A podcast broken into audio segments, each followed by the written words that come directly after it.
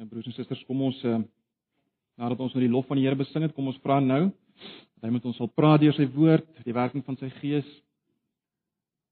Dat hy sal doen ten spyte van wie ek is. Ten spyte van al ons gebrokenheid, ons wat hier sit, maar omdat ons sy liggaam is.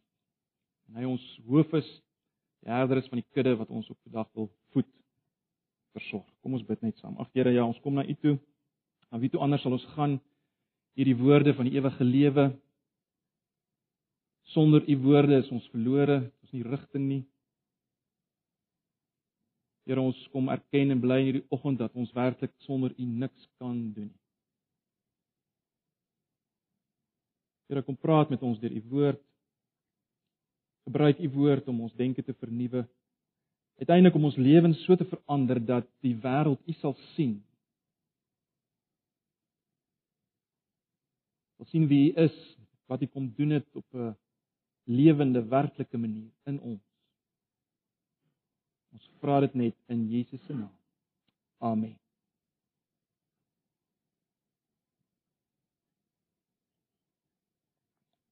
Broers en susters, ons is besig met Markus steeds Markus hoofstuk 9. Ons het verlede keer begin kyk na daai wonderlike gedeelte, die gesprek in Markus uh vanaf vers 32 dink ek as ek reg het, is gekyk 33 eintlik. So kom ons blaai weer so intoe. Jy sal weet Markus 9 begin met die berg van verheerliking, die gedeelte van die berg op die berg van verheerliking.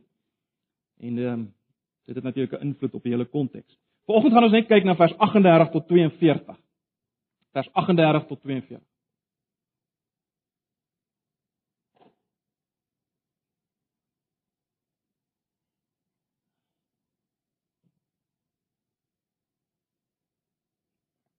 Markus 9 vers 38 Johannes het toe vir hom gesê: "Here, ons het iemand gesien wat in U naam bose geeste uitdrywe. Ons het hom probeer keer omdat hy ons nie volg nie. Moet hom nie keer nie," sê Jesus, "want daar is niemand wat 'n kragtige daad in my naam sal doen en net daarna in agting van my sal kan praat. Wie nie teen ons is nie, is vir ons." Vers 41 Elkeen wat vir julle 'n beker water te drink sal gee omdat julle aan Christus behoort, Hy sal beslis die beloning daarvoor kry, dit verseker ek julle. Vers 42 Elkeen wat een van hierdie kleintjies wat in my glo van my afvallig laat word, vir hom is dit baie beter as 'n groot meulsteen aan sy nek vasgemaak en hy in die see gegooi word. Ons lees net so ver. Broers en susters, die lewe van 'n disipel, 'n Christen, kerk wees as jy wil, is nie 'n lewe op die berg van verheerliking. Wat bedoel ek daarmee? Dis nie 'n lewe wat alreeds nuut is. Met geen swaar kry en worsteling en stryd met sonde of ongemak nie. Dis nie die Christelike lewe nie. Die Christelike lewe, disipel wees, kerk wees, is 'n lewe aan die voet van die berg. En julle sal weet ek sin speel nou op wat gebeur het daar in die begin van Markus 9. Dis 'n lewe aan die voet van die berg in die gebroke, donker, verlore, sondige wêreld rondom ons. En baie belangrik in hierdie lewe stap ek en jy nie rond met krones op ons koppe nie, maar met 'n kruis. 'n Kruis waarop daai diepste binneste jy bereid moet wees om elke oomblik te sterf, jy met al jou planne en idees. Daar's nie 'n kort pad na heerlikheid vir die Christen nie. vir kerk wees nie. En nou baie belangrik, daar's net een kompas, een lig op hierdie pad. En dis die woorde van Jesus. Onthou julle wat het God vanuit die hemel gesê daar op die berg van verheerliking toe sy stem hoorbaar gekom het van die uit die hemel uit? Markus 9 vers 7. Daai julle dit? Stem van God het uit die hemel gekom en gesê, dis nou nadat hulle almal geredeneer het. Petrus gesê het kom ons bou hitte hier ensovoorts. Dan kom daar 'n stem uit die hemel wat sê, dit is my geliefde seun, luister na hom. En broers en susters, ek wil dit waag om te sê as God ver oggend by wyse van spreuke hierdie dak sou oop skeur en sou praat met ons, sou hy niks anders wou sê nie. Luister na Jesus. Luister na Jesus. Christene het nodig om na Jesus te luister. Ons sou graag wou dat as iemand tot bekering kom, tot geloof kom, hy of sy alreeds in alles dink en optree soos God wil. Maar ongelukkig is dit nie so nie. Anders sou dit onnodig wees om natuurlik die, die Bybel te skryf. Ons het nodig om te luister na Jesus. En ons het verlede Sondag begin kyk wat sê Jesus vir sy disippels net na die gebeure op die berg, net na die verheerliking op die berg. Wat sê hy vir hulle? En wat sê hy daarom vir ons wat hierdie pad loop aan die voet van die berg? En dis wat ons kry in vers 33 tot 50. Dis nie al wat Jesus sê nie, maar 'n baie belangrike gedeelte van wat hy sê. Kry ons in vers 33 tot 50. Nou ek gaan nie alles herhaal wat ek verlede Sondag gesê het nie. Julle kan maar die CD kry as jy weer wil herinner word aan die hele konteks. Maar ons het gesien dat hierdie gedeelte waarskynlik 'n een eenheid vorm want uh, dit vind alles plaas in die huis in Kapernaum. Dit is waar Jesus begin in Hoofstuk 9 vers 33, eers in Hoofstuk 10 vers 1 gaan hy weg daarvandaan. So dis een gesprek. En ons kan sê as ons mooi kyk, daar's een tema. Daar's een onderliggende tema. En wat is dit? Wel, Jesus kom sê hier dat teenoor die wêreld met sy absolute selfgesentreerdheid sy egosentrisme moet sy volgelinge anders lyk. Dis die groot tema. As jy dit onthou, kan jy elke kleiner gedeelte sinvol interpreteer. En verlede keer het ons baie spesifiek gesien hoe Jesus wys dat kyk as jy groot wil wees, Die manier hoe jy groot word in die koninkryk van God is om die kleinste te word, die minste te word, 'n dienaar te word en let wel 'n dienaar te word van die geringstes, soos die kinders in daai tyd was, die geringstes. Word 'n dienaar van die geringstes. Die mense, ek het vir julle gesê, ons het mekaar gesê, dis radikaal in die tyd waarin ons leef, die tyd van selfies en likes is dit radikaal. Nee. Dit dryf in teen die gees van die wêreld. Maar dis die pad aan die voet van die berg. Dis die pad van die kruis. Dis die pad agter Jesus aan. Dis God se pad. Dis die pad wat God geloop het toe hy mens geword het in Jesus. So, kom ons kyk nou vanoggend hoe Jesus hierdie spyker nog dieper inslaan hier vanaf vers 38. Die gesprek gaan voort hier vanaf vers 38. En dit is baie duidelik uit Johannes se opmerking hier in vers 38 dat Jesus se woorde van nou net in vers 32 tot 37 dit het nog nie regtig ingeslaan nie. Dit het nog nie regtig 'n bekering by die disippels teweeggebring. 'n Verandering van denke nie. Luister wat sê Johannes. Here, ons het iemand gesien wat in U naam bose geeste uitdrywe. Ons het hom probeer keer omdat hy ons nie volg Ek wil hê julle moet kyk na hierdie hierdie hierdie hierdie samevoeging van u en ons, né? Nee. Uh hier's al klare onderliggende boodskap. Ek meen ons is mos darm aan dieselfde kant as u, nie soos baie ander ouens wat nie aan u kant is. Kyk hoe oulik is ons. Onderliggend sien mense al klaar iets daarvan, né? Nee. Let wel, Johannes maak dit wel duidelik Jesus is die belangrikste. Hy spreek Jesus aan as 83 vertaling Here, letterlik meester. Maar kyk nou wat sê Johannes eintlik verder. Dis dis geweldig. Johannes impliseer dat Jesus, die Here, die meester, nie regtig geëer kan word deur iemand soos hierdie man wat die duiwels uitgedryf het, as so iemand nie rekening hou met hulle nie. Dan kan die meester nie regtig geëer word. sien julle dit? Johannes sê nie ons het hierdie man probeer keer omdat hy u nie volg nie. Johannes sê nee, ons het hierdie man probeer keer omdat hy ons nie volg.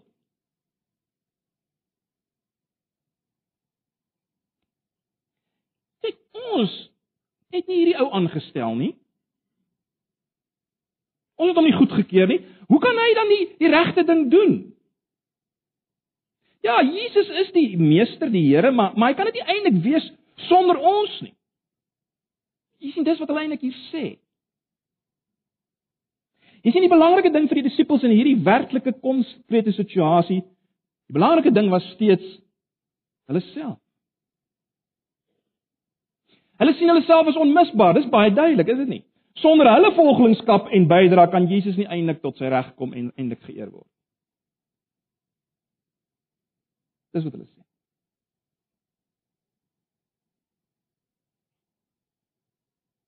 Ja, Jesus se naam moet verheerlik word, hulle sal nie daarmee stry nie, maar moet daarmee uit hulle kring uit gebeur. Hoor ons wat hier aangaan. Broers en susters, daar was geen ware bekering van selfgesentreerdheid as mens kyk na die ondertoon van Johannes se vraag nie, want die ondertoon van Johannes se hele se hele opmerking hier word steeds bepaal deur wie is die belangrikste?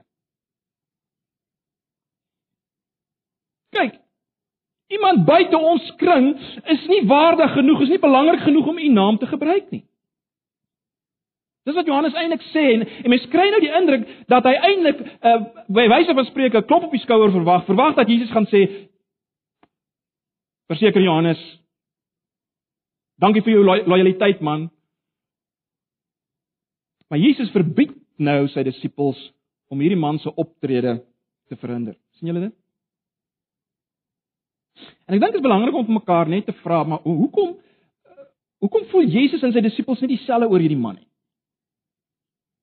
En kom ons dink 'n bietjie aan die werklike historiese situasie uh wat natuurlik baie belangrike beginsels het vir ons, maar kom ons dink net bietjie aan die werklike historiese situasie. Wat ons in gedagte moet hou of wat, wat ek dit so stel, wat wat duidelik word uit die hele Markus eintlik is dat uh Jesus en sy disippels is op twee verskillende golflengtes. Julle sal onthou die disippels verstaan nie lekker wat aangaan nie. Ons sien dit al klaar daar in 9 vers 32. Uh wat hulle nie regtig begrip het. Jesus sê dit ook in hoofstuk 8 vir hulle, verstaan julle nie? Begryp julle nie? En en daarom probeer Jesus heeltyd vir hulle begrip gee.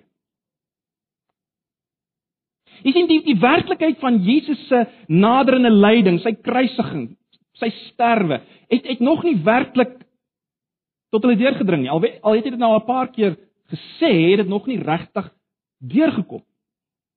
Die boodskap van die berg van verheerliking waarna ek net nou verwys het, het nog nie tuis gekom by hierdie disippels. So ons het hier te doen met twee verskillende uiteenlopende agendas. Die disippels aan die een kant, hulle dink aan 'n triomfsituasie. Uh hulle dink oor wie's die belangrikste, wie moet voorloop, wie het die hoogste rang, wie's in, wie's uit. Jy sien, hulle hulle, hulle leef eintlik nog hierdie soort van kom ons noem dit die bergtop lewe. Dit dis dis hulle agenda. Jesus totaal die teenoorgestelde, né? Jesus praat en dink binne die raamwerk van sy pad van lyding wat voorlê. Binnekort sal mense van hom kwaad spreek. Hy sal uitgeskel word, verwens word, beledig word, uiteindelik gekruisig word. En as ons dit onthou, dan maak vers 39 natuurlik meer sin. Jesus stel nie daar 'n algemene beginsel dat ouens wat demone uitdryf sal nie gou uh, van loyaliteit verander nie. Dis nie wat hy sê. Hy praat binne sy konteks, né? Nee.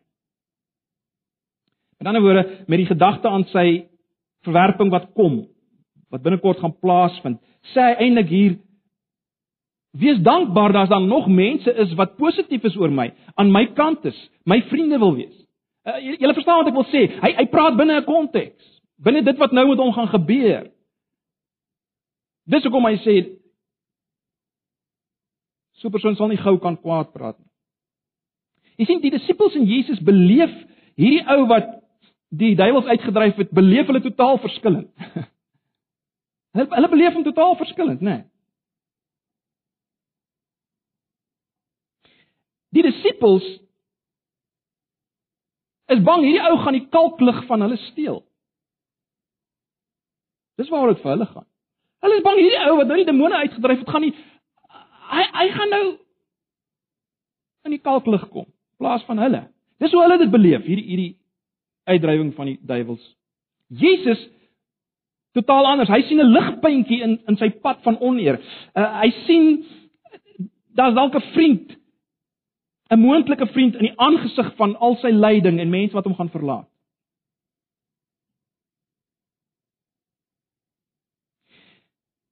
Die disippels aan die ander kant weer eens hulle het 'n ereposisie vir hulle self in gedagte en as jy so 'n ereposisie vir jouself in gedagte het, wel, dan is selfs 'n vriend, luister, dan selfs 'n vriend wat nie inpas by jou skema nie, is dan 'n bedreiging.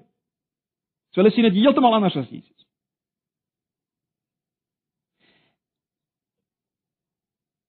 Sien julle hoe word die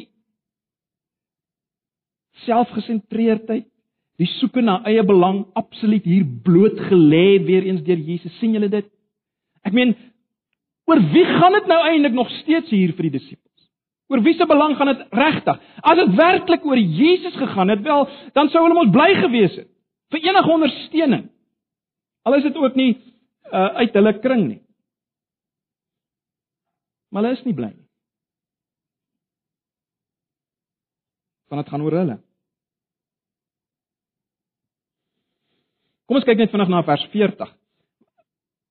Wat beteken dit as Jesus sê wie nie teen ons is nie is vir ons? En dit is baie belangrik dat ons weer hierna sal kyk uh, binne die historiese konteks, né? Nee. As mens die konteks in gedagte hou, dan lyk dit vir my Jesus wil hierdeur sê, julle moet eerder besorg wees oor oor dit wat gaan kom.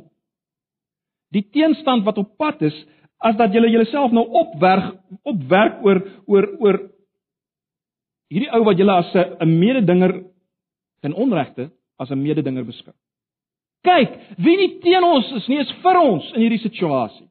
Dis wat Jesus waarskynlik hier probeer sê.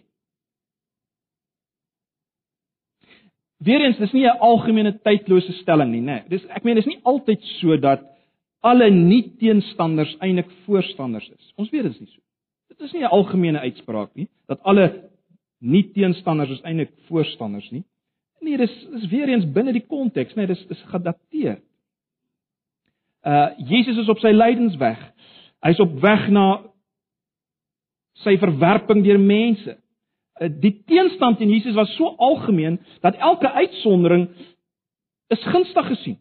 Ek meen in so 'n situasie waar almal jou vyande is, is enige een wat nie direk teen jou is nie, is eintlik vir jou. Binne hierdie situasie waar almal jou vyande is.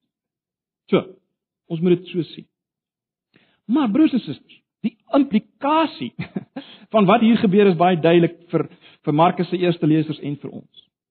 Oor wie gaan dit nog eintlik vir die disippels? Dis die groot vraag en ek dink onderliggend wil Markus ook hê sy eerste lesers en ons moet vra maar kyk bevind ons ons nie self dalk weer in 'n situasie waar die situasie van so aard is dat wie nie teen ons is nie is vir ons. Maar goed, dis vers 38 tot 40. Kom ons kyk net bietjie na vers 41.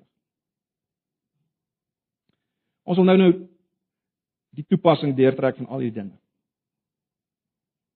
Nadat Jesus nou hierdie valse ondertoon in Johannes se opmerking bestry het, kom hy nou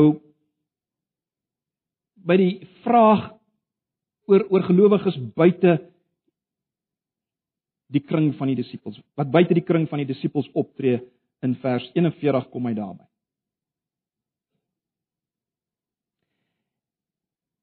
En wat Jesus ten diepste nou hier doen, hy wys vir die disippels dat hulle verkeerd dink oor hoe eerbetoning aan hulle moet lyk. Hulle dink verkeerd hoe oor hoe eerbetoning aan hulle moet lyk. Hoe die agting vir hulle moet lyk. Kyk, vir die disippels is dit baie duidelik Vir hulle het iemand hulle geëer, geag vir wie hulle is as disippels, as so iemand saam met hulle beweeg. Dis dis duidelik uit hierdie gedeelte, né? Nee. Jesus kom wys, nee nee. Iemand hoef nie saam met julle te reis om julle te ag nie. Die eer betoon aan julle, die agting vir julle bestaan nie net uit hierdie groot dinge nie, soos die fisiese saamgaan met julle nie. Nee nee, selfs 'n beker water wat vir julle gegee word is ook 'n eerbewys.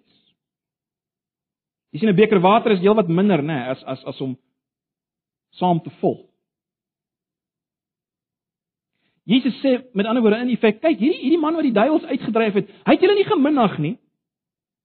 Hy hoef nie sy agting vir julle te wys deur saam met julle te loop nie. Die belangrike ding hier is en, en dis belangrik om raak te sien, vir Jesus is die belangrike ding nie wat hierdie man of enige iemand vir die disippels gee nie, maar waarom hulle dit gee. Die rede, die motief is belangrik. Die belangrike ding is dat mense die disippels sal erken as volgelinge van Jesus, van Christus. Dis die belangrike ding vir Jesus. Die rede hoekom hulle dit gee. Of dit nou of die erkenning nou eh, in die vorm van 'n groot ding is en of dit die gee van 'n beker water is, dit maak nie eintlik saak nie. Belangrike ding is dat hy dit dat hulle dit gee vir die disippels omdat hulle Jesus volg. En dan verwys Jesus na loon wat hy sal gee. Mense wat sy disippels erken, sê hy deur byvoorbeeld vir hulle beker water te gee, sal hy beloon. Nou, dis nie baie duidelik wat Jesus bedoel met hierdie loon nie, maar ek dink tog uh, saam met ander wil ek wil ek tog dink dat ehm uh, in die lig van die verband tussen vers 40 en 41, daar's terloops 'n wand in die letterlike vertaling In die lig daarvan, die verband tussen vers 40 en 41 en die feit van Jesus se naderende verwerping deur die meerderheid, lyk dit vir my of hierdie loon gaan oor die feit dat Jesus so 'n persoon se geloof sal in stand hou. In ander woorde, hulle sal nie saam met die res van die mense Jesus verwerp nie en natuurlik op dié manier onder God se oordeel val nie. Uh, Jesus sal hulle geloof in stand hou. So ek dink dis waarskynlik wat hy bedoel met die loon. Uh selfs so 'n persoon wat nie saam met die binnekring die disippels loop nie, selfs so 'n persoon se geloof, geloof sal behou word. Hy Jesus sal sorg dat so 'n persoon nie veroordeel sal word. Maar goed, wat sien ons nou tot dusver eintlik hier? Waar ons nou verlede keer gesien het die, die disippels uh het getwis oor wie se belangrikste hulle was gestel op erkenning en eer Jesus gaan nou 'n stapie verder en hy wys vir hulle dat ja julle is erkenning waardig. Julle dit is so. Julle moet erken word. Maar julle moet erken word as gevolg van julle verbintenis met my. Dis hoekom julle erken moet word. As gevolg van julle verbintenis met my. Julle sien, dis die punt hier. En op 'n tweede 'n tweede ding wat Jesus wil wys is hierdie erkenning lê op 'n ander vlak. Dit dit lyk nie soos die wêreld se erkenning nie. Die wêreld met al sy vertoon en sy dekorasies en al sy lofbetuigings, die eer wat julle gaan kry lyk anderste. So ja, julle moet eer kry, julle moet eer kry omdat julle aan my behoort. Maar dit gaan heeltemal anders lyk.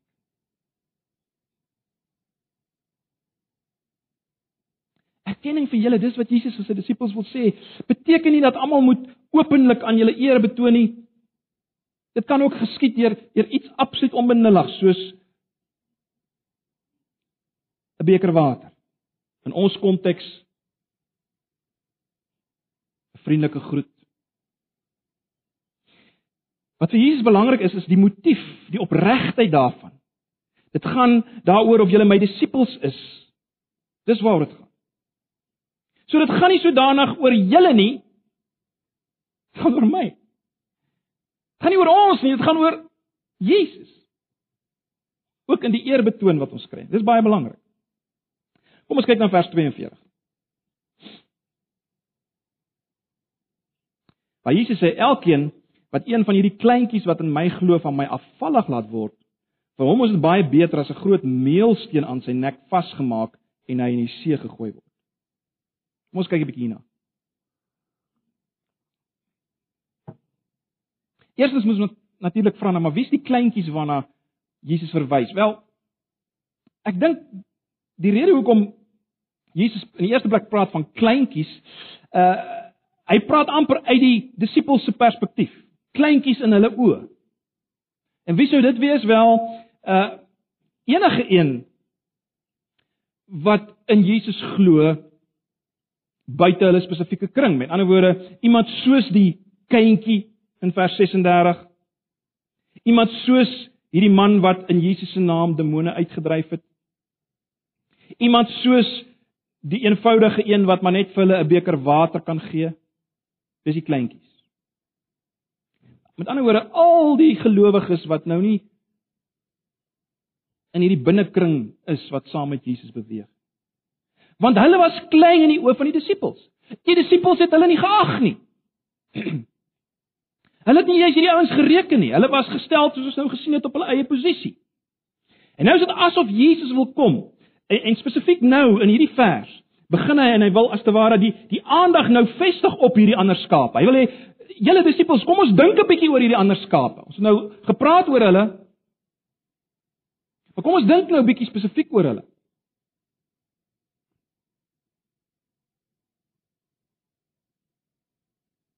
Baie interessant, die werkwoord wat hier gebruik word vir struikel of afvallig laat word in in ons vertalings. Die woord wat daar gebruik word, baie interessant. Is letterlik die woord wat daarop dui dat iemand in 'n stryk gevang word. So julle kan sien die die die skaap metafoor sit hier in die agtergrond.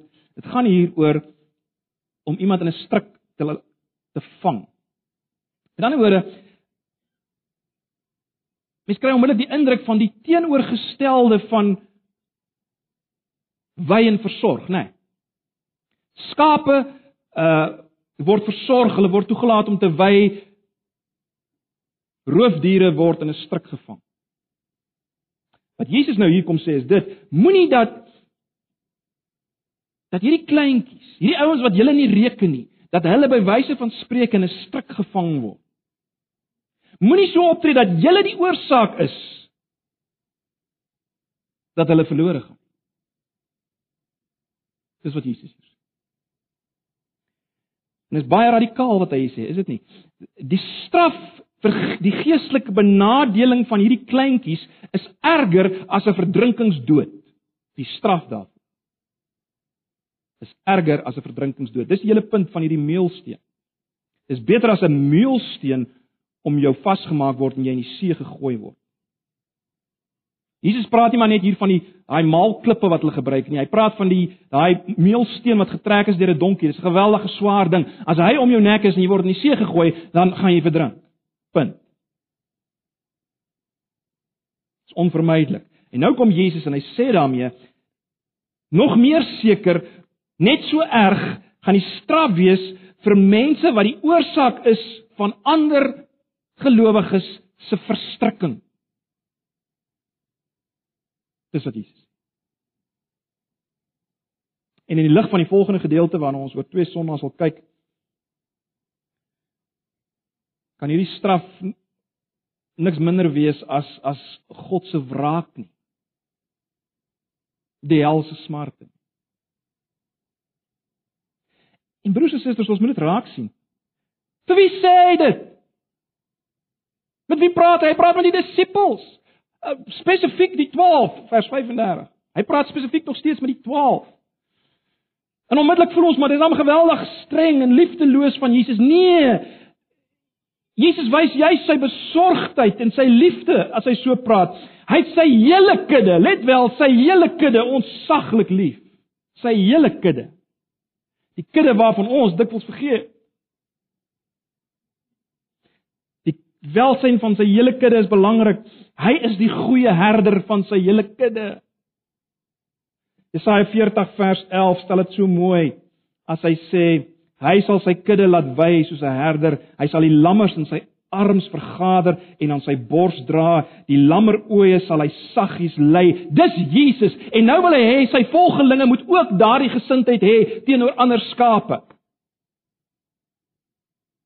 En dis hoekom hy die waarskuwing gee hier in vers 42. Kom ons bring alles nader aan ons eie lewe. Ons het dit nou net as te ware tegnies beskou wat hier aangaan in die teks. Kom ons kyk nader aan ons lewe.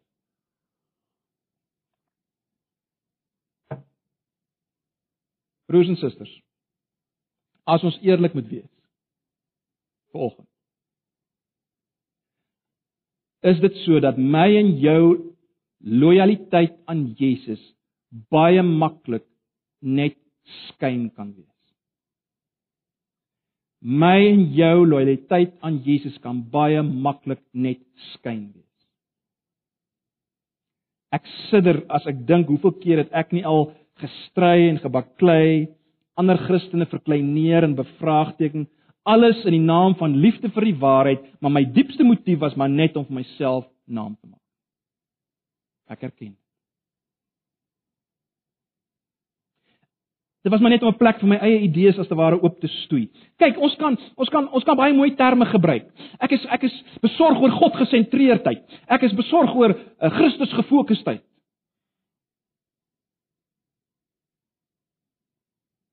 Maar ten diepste word jy gedryf deur die vraag van die disippels: Wie is die belangrikste? Dis eintlik waartoe jy gedryf word. Ja, jy sê dit gaan oor God gesentreerdheid en oor al die gereformeerde waarhede, maar dis nie eintlik waaroor dit gaan nie. Jy sien, ons kan ons kan baie maklik 'n groot geraas maak oor die feit dat ons dinge doen ter wille van die lojaliteit aan Jesus en die waarheid, maar dis eintlik net 'n dekmantel om ons eie beeld te blaas en ons eie koninkryk te bou. En broers en susters, dis 'n gevaar, dis 'n gevaar veral binne gereformeerde kringe. So dis die eerste ding wat ons moet raak sien hier.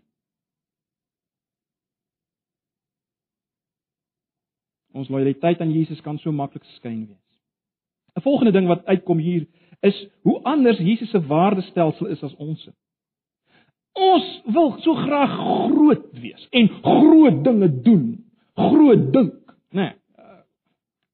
Maar Jesus ontbloot ons eie geregtigheid in dit alles. Ons ons ons ongeregtigheid van selfgesentreerd. Hy ontbloot alles hier en hy wys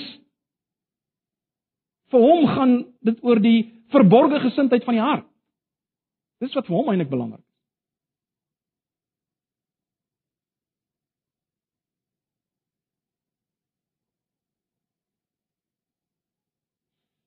Met ander woorde prakties gestel, vir Jesus is dit belangrik dat jy vir 'n medegelowige glimlag omdat hy of sy deel is van die liggaam van Jesus.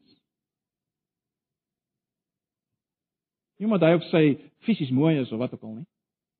Omdat hy of sy deel is van die liggaam van Jesus. Dis vir Jesus belangrik dat jy 'n koppie tee op 'n Sondag vir 'n medegelowige gee omdat hy of sy deel is van die liggaam van Christus.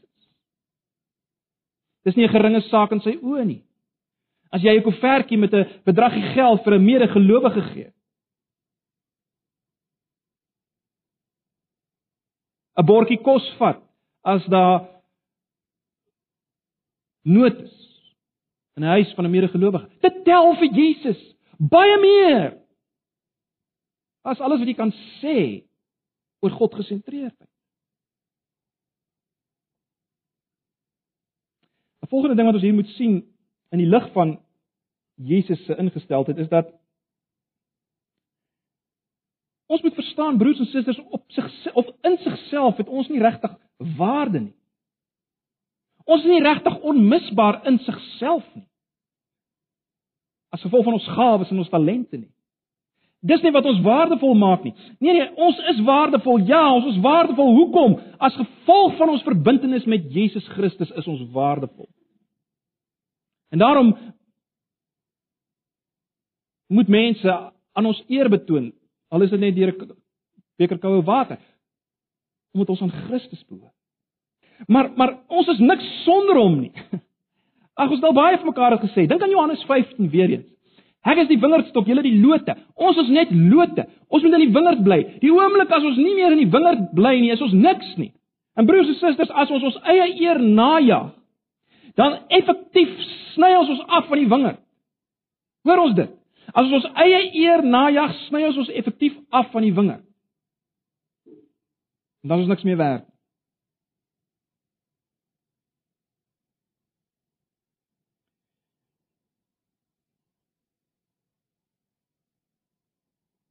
Ons het verlede keer gesien dat om die minste te wees beteken dat ons die geringes soos die kindertjies sal ontvang en hulle nie verag nie. In hierdie gedeelte sien ons dat die geringes sluit ook ander gelowiges in wat nie binne ons kring is nie. En nie presies soos ons doen en dink nie. Ons moet 'n ruim hart hê vir hulle.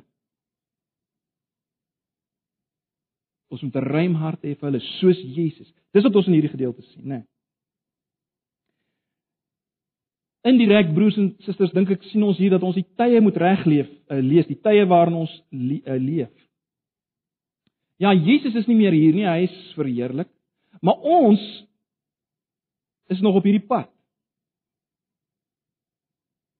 Ons is in hierdie stryd. Die finale oorwinning het nog nie aangebreek nie. Ons leef in 'n tyd van geweldige teenkanting. Dis die konteks waarin ons leef. En en en in hierdie konteks, jy sien, julle sien nou die die relevantie van dit wat ons nou net gesien het, né? Nee, van nie wie nie teen ons is nie is vir ons. In in hierdie konteks waarin ons leef, ag, en julle kan maar net rondom julle kyk en dan sien julle hoe lyk die wêreld waarin ons leef en dat ons in 'n stryd is. En binne in hierdie stryd vir die naam en die eer van die Here en vir die koninkryk van God, is daar net nie plek en tyd vir persoonlike verskilletjies en persoonlike harrekloof en eie agendas nie. Nee, dit gaan oor die groter saak van Jesus en sy koninkryk wat ons onbatsigtig en opofferend moet dien. En as ons dit doen, dan dien ons Jesus en ons dra by tot die koninkryk. As ons dit nie doen nie, dan berokken ons die koninkryk skade. Ons berokkel die koninkryk skade as ons gestel is op ons eie agendas. Eie ou fyn proewerige verskilletjies. En dis dis wat ons moet raak sien in hierdie gedeelte. Ag broers en susters. Ons het vanoggend gehoor oor die visie vir die selgroepe weer eens. As ons nie hierdie waarheid waarheid gaan onthou nie, gaan dit nie werk nie.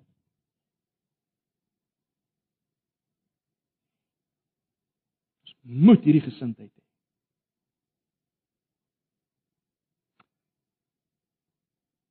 Kom ons kyk net baie vinnig na vers 42, die toepassing vir ons. Broers en susters, die vraag wat ons onsself moet afvra en wat ek my myself moet afvra is dit: dra ek, dra ons werklik die geestelike welsyn van ander op ons hart? Hoe tree ons teenoor ander op? In ander woorde, beskou jy en oorweeg jy jou optrede, jou uitsprake, jou gewoontes en gebruike in die lig van die effek wat dit het op ander gelowiges? Hoor jy, hoor ons dit? Alles wat jy doen. Vra jouself af, dit wat ek nou doen, sê, dink waar ek myself bevind, wat is die effek op ander gelowiges? Vra jouself daai vraag af. Dit lyk vir my dis die implikasie. Kom ons dink 'n bietjie daaraan en ek, en ek gaan dit nou naby aan ons lyf bring en en en Moenie nou flip trap op jou tone nie. Ja, ek trap op jou tone, maar trap op ons almal se tone. Watter effek het jou laksheid om gemeentebyeenkomste soos eredienste, bidure, selgroepe ensovoorts by te woon? Jou laksheid vir enige verskoning lê by die huis. Wat is die effek daarvan op ander gelowiges se moraal? Het jy al daaraan ooit gedink? Dink jy daaraan? Dink jy daaraan? Jou laksheid om jou bydrae te gee. Wat is die effek daarvan op ander gelowiges? Die fisiese versorging van ander gelowiges in die gemeente. Want jy's net te lui om hierdie maand jou bydrae dalk te gee. Ons moet onsself die vraag afvra. Watter impak het die tydskrifte wat in jou huis rond lê op ander gelowiges? Die kleintjies.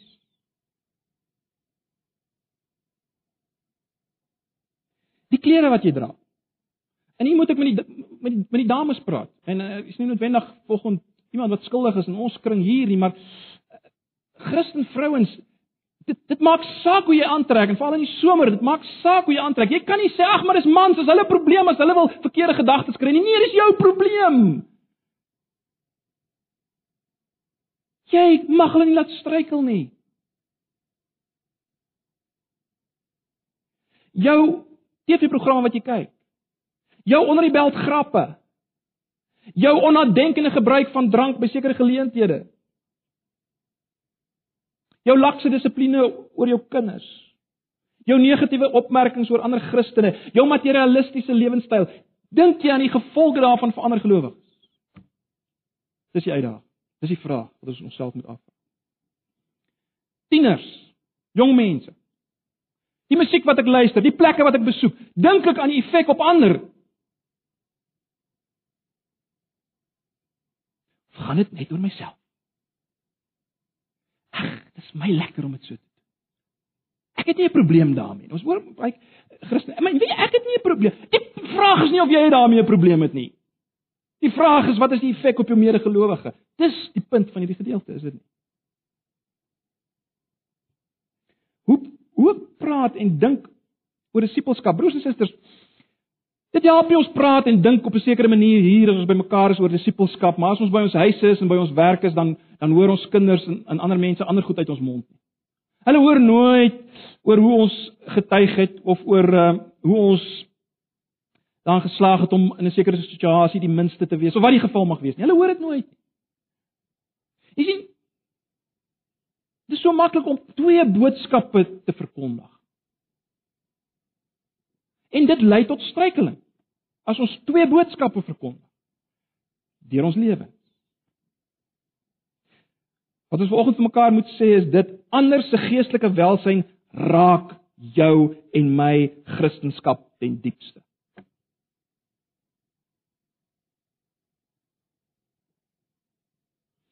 En daarmee saam moet ons onthou ons is verantwoordelik vir medebroers en susters. En daarom is daar nie plek vir uh, totale onbetrokkenheid en individualisme nie op 'n sekere manier. Daar's nie plek daarvoor binne die gemeente van Christus nie. Ons kan nie maar ons verantwoordelikheid afskud. Sê ag, wat, dis hulle probleem. Broers en susters, ek, ek, ek sê dit in die eerste plek vir myself. Ons kan so maklik praat oor oor al die afdwalings in ons tyd en hoe sleg dit gaan met die jeug en al daai goed. Die vraag is dink ons ooit oor ons eie aandeel in dit alles? En ek praat in die eerste plek met myself. Kyk hulle na ons en dan sê hulle ja. Sulke dubbelsinnigheid, sulke valsheid. Ek wil nie 'n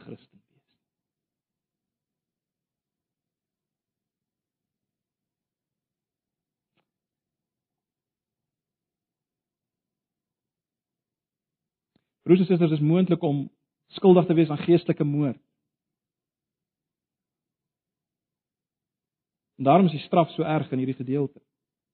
Mens dink aan Jesegiel 3 uh vers 18 waar Jesus ag waar waar, waar God sê vir Israel vir die volk as hulle as as jy iemand sien sondig en jy waarsku hom nie, uiteindelik sal ek van jou rekenskap eis. Ja, hy sal sterf, maar ek sal rekenskap eis van jou. En dis dieselfde gedagte hier, né? Nee. Ag, broers en susters, as ons dink oor ander lidmate, lidmate wat uh swak is in hulle geestelike lewens, worstel en sukkel, uh is ons versoeking nie dikwels en ek sluit myself daarbey in om nie maar om om om maar ontslae te raak van sulke lidmate want hulle kan nie lekker bykom nie. Die punt is dis nie die gesindheid nie. Ek dink aan Romeine 15 uh, vers 1 en verder waar Paulus sê op ons wat sterk is rus die verpligting om die swakhede te te verdra van die wat nie sterk is nie. Ons moenie aan onsself dink nie. Elkeen van ons moet aan ons naaste dink en aan wat vir hom goed is en wat hom in die geloof kan opbou. Christus het immers ook nie aan homself gedink. Dis wat Paulus sê. So hierdie gedeelte raak ons siening, ons optrede teenoor medegelowiges. Medegelowiges wat ook deur die bloed van Christus gekoop is, broers en susters, wat kosbaar is in sy oë. Dis Jesus se agenda onthou. Jesus se agenda is is besorgdheid en bemoeienis met die swakkes en die geringes. En dis dikwels nie ons agenda nie. Kyk, die negatiewe waarskuwing hier veronderstel ook definitief 'n positiewe opdrag, né? Nee. Ons moenie net die geringes, die kleintjies nie benadeel nie. Ons moet vir hulle sorg. Ek dink dis die implikasie. Ag, ek sluit af.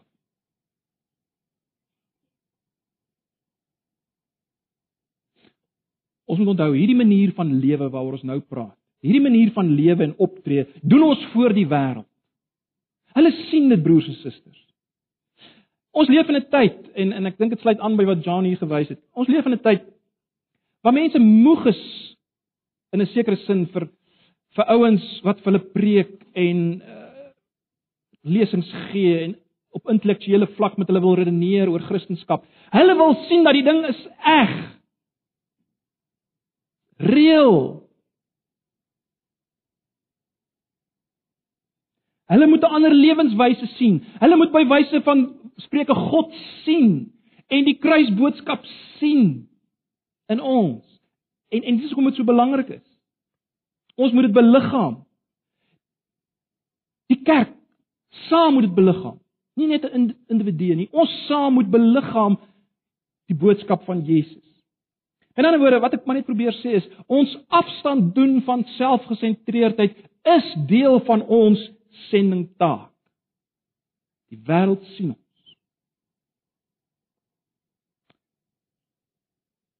So. God sê vanoggend weer vir ons: luister na Jesus. Luister na Jesus. Nou, broers en susters, as ons dink aan Jesus, ons dink aan Golgotha, ons dink hoe hy alles selfgesentreerdheid eenkant toe geskuif het vir ons. Ag, hoe kan ons anders as om na hom te luister? Om ons denke te vernuwe, om anders te begin leef vir sy eer, die kom van sy koninkryk. Amen. Kom ons bid saam. Here baie dankie vir u woord. Ons kan maar net vanoggend bely, Here, ek self dat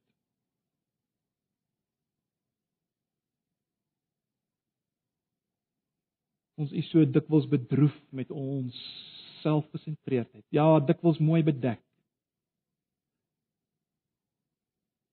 Ag Here, ek dink sommer nou aan daai gedeeltjie waar waar u uh, sê dat u weerstaan die hoogmoedige. Mag gee genade aan die nederig.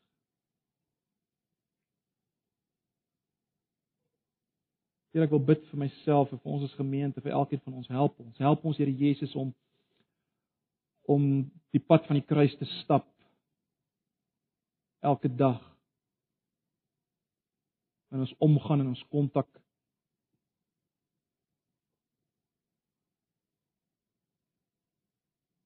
met ander gelowiges, gelowiges buite ons kring, gelowiges wat miskien nie 100% soos ons dink nie.